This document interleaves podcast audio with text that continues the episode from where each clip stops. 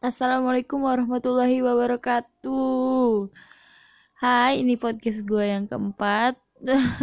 Kayaknya gue mau cerita sesuatu tapi Bukan cerita menyenangkan Seperti biasa. Kayaknya gue gak tahu kenapa belum ada cerita menyenangkan di dalam hidup ini. Uh, Ini gue record jam 6 6 sore, tumben banget ya, gak tengah malam tanggal 11 Desember 2019 hari Rabu yang hmm, gue nggak tahu hari ini kenapa gue sial lagi sial lagi. Pernah gak sih lo ngerasa di hidup lo pada beberapa waktu sial mulu?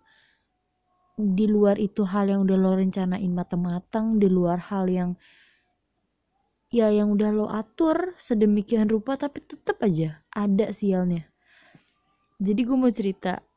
Hari ini adalah hari di mana gue libur kuliah.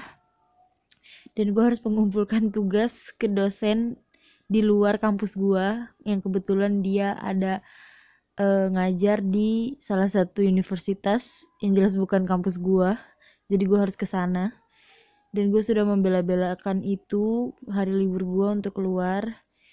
Dan tugasnya itu sudah gue kerjakan hamin satu dengan tulisan tangan maksudnya tugas itu disuruhnya nulis tangan gitu kayak ngeresum gitu. Dan jadi 15 lembar HVS bulak balik bayangin. Dan singkat cerita gue hari ini ke sana nemuin dia. Dan entah kenapa gue sudah mempersiapkan bahwa gue harus on time. Tapi ada aja di jalan segala kayak keretanya lama lama dan sebagainya.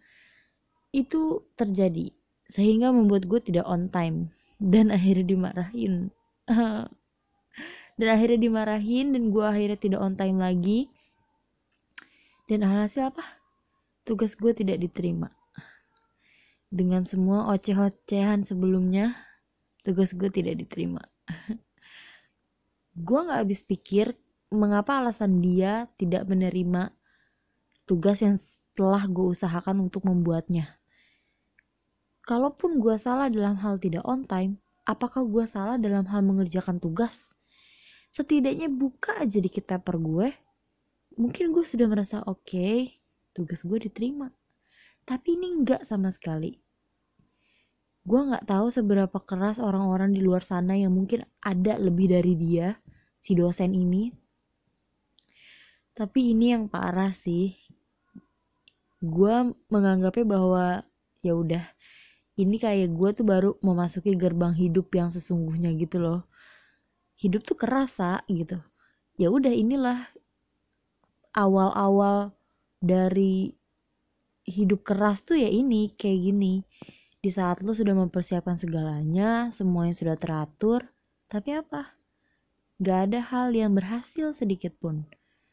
Itu gue menyesali entah siapa yang harus gue salahkan tapi gue yakin maksudnya apa ya nggak ada beberapa hal yang terlihat salah tapi ya nggak ada yang salah.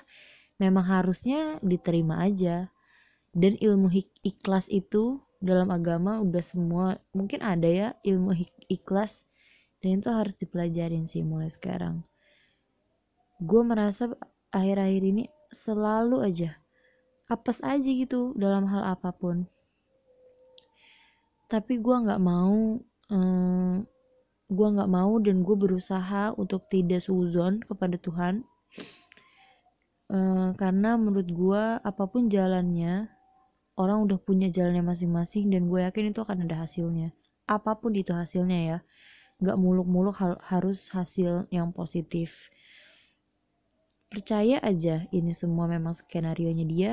Jalanin ikhlas bismillah tanpa bertanya dan tanpa emosi karena begini aja gue sudah belajar dan gue mencoba untuk oke okay, sa jangan menyalahkan siapa-siapa aja dengan sikap gitu aja. Gue masih stres. Gue stres parah gue kayak yang drop kayak wah parah nih gue udah nggak bisa ngapa-ngapain kayak gue harus apa ke depannya? Apalagi gue mencampur itu dengan kemarahan dan bertanya kenapa kayak gini? Kenapa ya gue kayak gini? Siapa sih yang salah? Kenapa gue harus begini gini gini gini?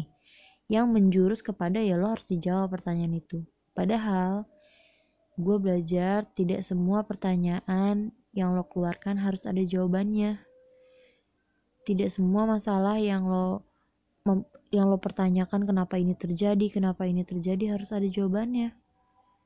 Mungkin aja memang ini udah jalannya kan gak ada yang tahu dan buat apa lo bertanya kepada siapa bertanyanya juga ya kan? Lo bertanya kepada yang gak jelas siapa? Seolah-olah lo harus dapat jawabannya sekarang itu juga. Lo akan bingung sendiri lo akan stres sendiri lo akan ya muter-muter aja di pertanyaan itu. Padahal solusinya cuma satu mengikhlaskan apa yang sudah terjadi relax tenangin diri dan buat rencana ke depannya biar itu nggak terjadi lagi. Ya nggak sih? Karena gue lihat gue nih juga nggak tahu ya gue ngeliat orang-orang yang depresi sampai gila sampai maaf bunuh diri itu pasti ada kemarahan di dirinya ada mungkin ada pertanyaan kenapa gue begini? Siapa yang harus gini? Dan dia tertekan pertanyaan itu tidak bisa ada yang jawab tapi ambisinya tetap harus bertanya kayak gitu-gitu. Dan akhirnya dia seperti itu. Pasti ada kemarahan di dalamnya. Orang yang berbuat seperti itu yang depresinya sudah sampai tingkat itu gue yakin ada kemarahan di dalam pikiran dan hatinya. Jadinya untuk kita-kita semua yang lagi stres, yang lagi ngerasa uh, harinya apes mulu, harinya rugi mulu atau dan sebagainya. Jangan selipkan kemarahan di setiap pertanyaan lo. Ya bolehlah lo nanya deh. Kita kan manusia ya. Gue pun melarang kita bertanya tanpa yang tadi gue bilang tanpa jawaban itu pun gue masih suka bertanya gitu Berarti kita ambil jalan tengah, bertanya tanpa amarah. Jangan menuntut siapa pun orang-orang terdekat untuk menjawab semua yang memang sudah jalan Tuhan. Kayak gitu. Gue juga dalam keadaan stres di mana semua yang gue lakukan selalu salah. Gue bingung kenapa ini terjadi siapa yang salah, guanya kah atau orang lain kah? Tapi gue bener-bener hanya terucap pertanyaan itu sekilas. Tidak menuntut, tidak menuntut jawaban, tidak ada amarah. Dan gue berharap ini hanya sampai kepada tahap kepikiran deh. Sampai pada tahap stres level dikit aja. Nggak selebihnya. Tidak yang sampai bagaimana. Gue sering mengakui bahwa gue stres parah. Hampir mau kayak mumet depresi gitu. Tapi gue mikir lagi selama lo masih bisa terucap kalau enggak lo harus tenang lo harus gini gini gini yang positif. Berarti lo belum sampai tahap itu. Belum sampai tahap stres banget depresi. Karena menurut gue orang yang stres banget depresi itu semua semua perilakunya semua perkataannya itu udah ngaco coy dan gua dan mudah-mudahan kita semua yang lagi uh, pusing itu belum sampai pada tahap itu mudah-mudahan. Sehingga masih bisa mikir masih bisa open mindednya masih bisa ya mengikhlaskan sih lagi-lagi. Bener-bener kita harus ikhlas. Kayak gue misalnya Islam ya udah Bismillahirrahmanirrahim mudah-mudahan ini pembelajaran ke depannya gitu. Gue sering kali memikirkan dan sampai nangis-nangis dan menurut gue gue nggak akan tahan tangis itu. Karena daripada gue emosi amarah dan sebagainya mendingan gue nangis. Ber, mencoba untuk berkomunikasi berkomunikasi kepada Tuhan uh, dan minta solusi kayak gimana. Ketenangan hati aja tuh udah solusi jangan menganggap bahwa misalnya gua susah misalnya kita semua nih susah banget ngerjain tugas. Terus yang kita minta dari Tuhan solusinya tugas itu selesai dalam berapa detik. Itu bukan kayak gitu juga ya. Bisa jadi solusi datang dalam bentuk ketenangan dalam bentuk kesenangan yang kecil-kecil. Itu juga solusi tanpa kita sadarin. Jadi mulailah ikhlas legowo gitu kalau bahasa Jawanya. Dengan kita begitu mungkin nanti pencerahan bakalan masuk ke pikiran kita. Entah kata-kata orang jadi penyemangat orang yang mau menyemangati jadi kita sambut dengan baik. Coba kalau kita marah-marah. Kita marah-marah gak jelas orang yang mau ngehibur pun kan jadi males ya gak sih?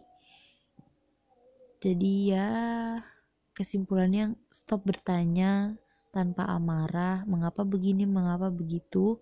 Karena tidak semua pertanyaan kalian pertanyaan kita semua harus dijawab dengan jawaban. Oke? Selamat sore. Besok gue lanjutin ya podcastnya. Bye